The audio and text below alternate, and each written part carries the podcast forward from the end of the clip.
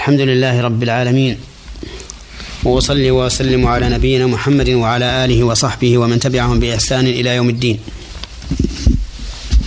أما بعد فهذه هي الحلقة الخامسة والثمانون من الحلقات التي بعنوان من أحكام القرآن الكريم. نبدأها بقوله تعالى أو كلما عاهدوا عهدا نبذه فريق منهم بل أكثرهم لا يؤمنون. يقول الله عز وجل في هذه الآية موبخا هؤلاء القوم بنبذهم أو بنبذ فريق منهم لما عاهدوا عليه. فيقول أو كلما عهدوا عهدا نبذه فريق منهم ثم يبين أن هذا النبذ للعهد لكون أكثرهم لا يؤمنون بل أكثرهم لا يؤمنون. من أحكام هذه الآية وفوائدها توبيخ من عاهد عهدا فنبذه ومنها أي من فوائدها وأحكامها أنه إذا وقع الخطأ من بعض قوم فإنه لا ينسب الخطأ إلى الجميع بل العدل أن يشار إلى أن هذا الذي هذا الذي حصل إنما كان من فريق منهم. لئلا يلحق العار جميع القوم مع براءة بعضهم منه. ومن فوائد هذه الآية وأحكامها أن نقض العهد علامة على نقص الإيمان. ولهذا جاء في الحديث عن النبي صلى الله عليه وسلم أن من خصال النفاق الغدر الغدر بالعهد.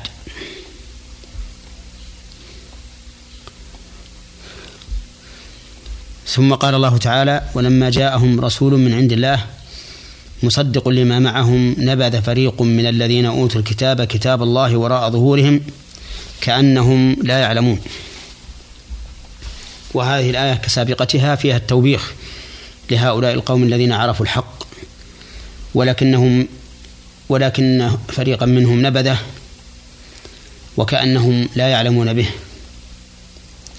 فيقول جل وعلا ولما جاءهم رسول من عند الله وهو محمد صلى الله عليه وسلم مصدق لما معهم. وذلك من وجهين.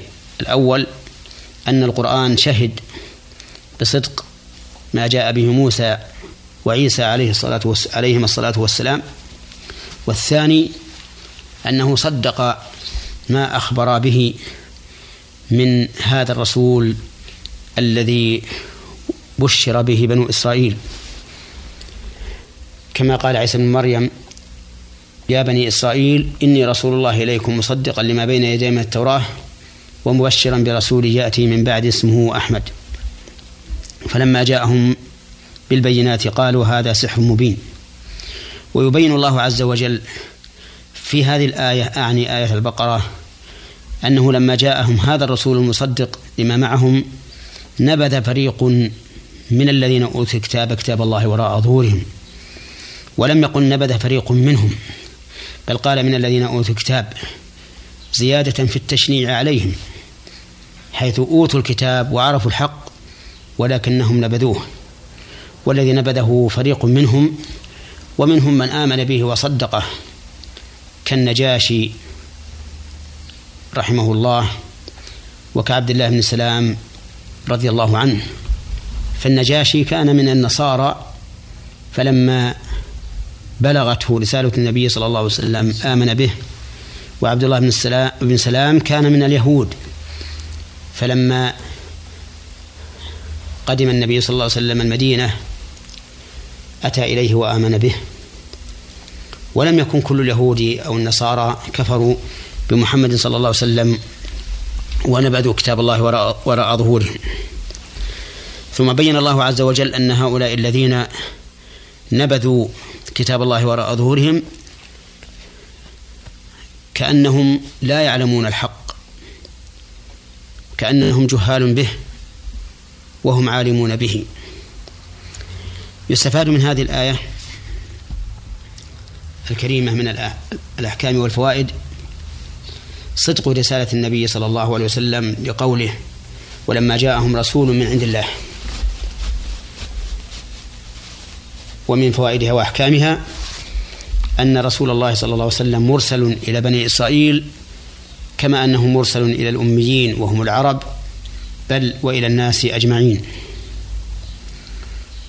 قال الله تبارك وتعالى قل يا أيها الناس إني رسول الله إليكم جميعا الذي له ملك السماوات والأرض لا إله إلا هو يحيي ويميت فآمنوا بالله ورسوله النبي الأمي الذي يؤمن بالله وكلماته واتبعوه لعلكم تهتدون. وثبت عن النبي صلى الله عليه وسلم أنه قال والذي نفسي بيده لا يسمع بي أحد من هذه الأمة يهودي ولا نصراني ثم لا يؤمن بما جئت به إلا كان من أصحاب النار. ومن فوائد هذه الآية وأحكامها أن رسول الله صلى الله عليه وسلم كان مصدقا لما جاءت به الرسل السابقة أي مقرا بأنها صدق وشاهد وشاهد بصدقها حيث أخبرت به فجاء طبقا لما أخبرت به.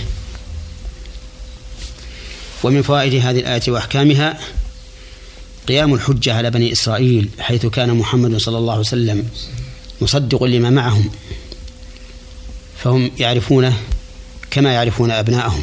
ولكن مع ذلك نبذ نبذ فريق من الذين أوتوا الكتاب كتاب الله وراء ظهورهم. ومن فوائد هذه الآية وأحكامها أن الذين نبذوا كتاب الله وراء ظهورهم من بني إسرائيل نبذوه عن علم لأنهم أوتوا الكتاب وعرفوا الحق. وقد بين الله تعالى أنهم يعرفون محمدا صلى الله, صلى الله عليه وسلم كما يعرفون أبنائهم. وهذا أشد لوما وتوبيخا وجريمة من ممن لا يعلم. ولم يؤت من الكتاب شيئا. ومن فوائد هذه الآية وأحكامها أن نبذ هؤلاء الفريق من, بني من الذين أوتوا الكتاب نبذ لا يرجى معه إقبال لقوله نبذوه وراء ظهورهم. والذي ينبذ كتاب الله وراء ظهره في الدنيا يؤتى كتابه يوم القيامة من وراء ظهره جزاء وفاقا.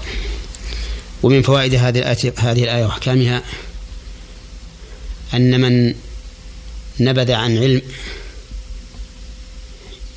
أشد قبحا ولوما ممن نبذ عن جهل ولهذا قال كأنهم لا يعلمون. ومن فوائد هذه الآية وأحكامها التحذير من رد الحق بعد العلم به لأن الله تعالى ساق هذه الآية على وجه اللوم و والتوبيخ لهؤلاء الذين نبذوا الحق بعد أن عرفوه. ومن فوائد هذه الآية وأحكامها أن من نبذ الحق بعد العلم به ففيه شبه من بني إسرائيل من اليهود والنصارى الذين ردوا الحق بعد أن علموا به. أسأل الله تعالى أن يجعلنا جميعا ممن رأى الحق حقا واتبعه ورأى الباطل باطلا واجتنبه. إنه جواد كريم والحمد لله رب العالمين وصلى الله وسلم على نبينا محمد وعلى آله وأصحابه ومن تبعهم بإحسان إلى يوم الدين.